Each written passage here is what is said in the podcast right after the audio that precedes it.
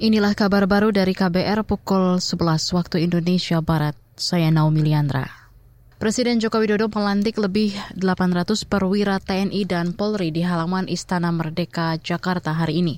Pelantikan dilaksanakan dalam acara upacara prasetya perwira P Praspa TNI dan Polri tahun 2023. Perwira yang dilantik merupakan lulusan dari Akademi Militer, Akademi Angkatan Laut, Akademi Angkatan Udara, dan Akademi Kepolisian. Berikut kutipan Presiden Jokowi saat mengambil sumpah para calon perwira TNI dan Polri.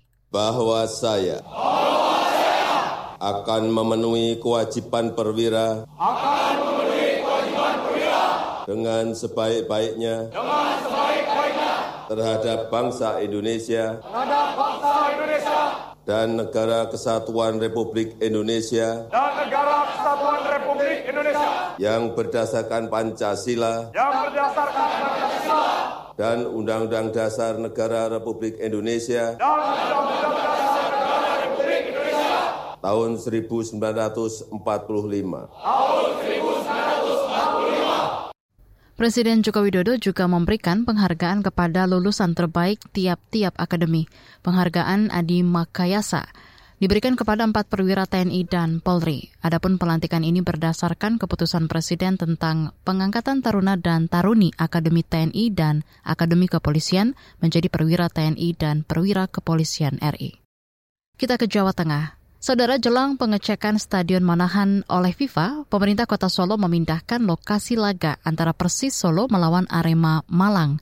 Informasi selengkapnya bersama jurnalis KBR Yuda Satriawan, langsung dari Solo, Jawa Tengah.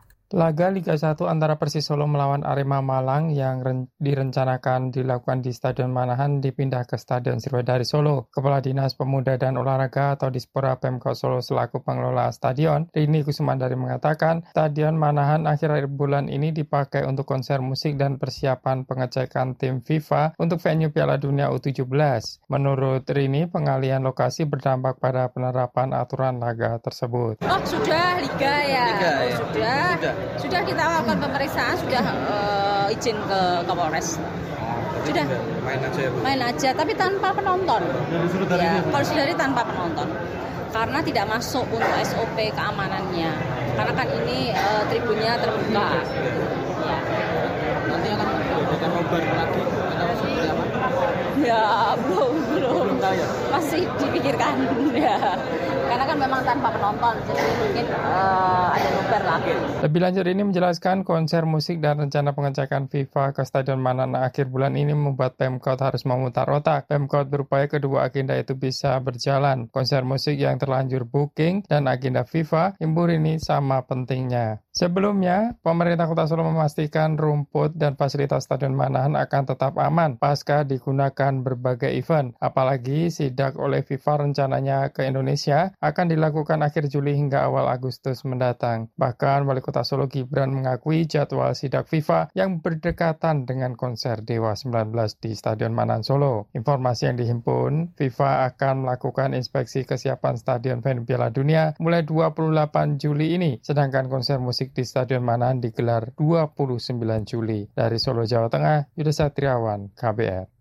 Majelis Umum Perserikatan Bangsa-Bangsa PBB kemarin mengadopsi resolusi yang mengecam segala aksi penodaan terhadap kitab suci sebagai pelanggaran hukum internasional. Dikutip dari Antara, resolusi itu muncul di tengah gelombang pembakaran dan penodaan kitab suci Al-Quran berulang kali di negara-negara Eropa. Terbaru, aksi pembakaran Al-Quran di depan masjid di Swedia yang mendapat izin dari kepolisian setempat. Pembakaran kitab suci umat muslim itu telah memicu kemarahan dunia internasional. Para pemimpin dan politisi muslim mengingatkan penodaan dan provokasi dengan membakar Al-Quran tidak termasuk dalam Undang-Undang Kebebasan Berekspresi. Majelis Umum PBB yang beranggotakan 200-an orang mengadopsi resolusi yang disusun oleh Maroko melalui konsensus. Resolusi itu mengecam keras segala bentuk kekerasan terhadap orang-orang atas dasar agama atau keyakinan mereka. Demikian kabar baru, saya Naomi Liandra.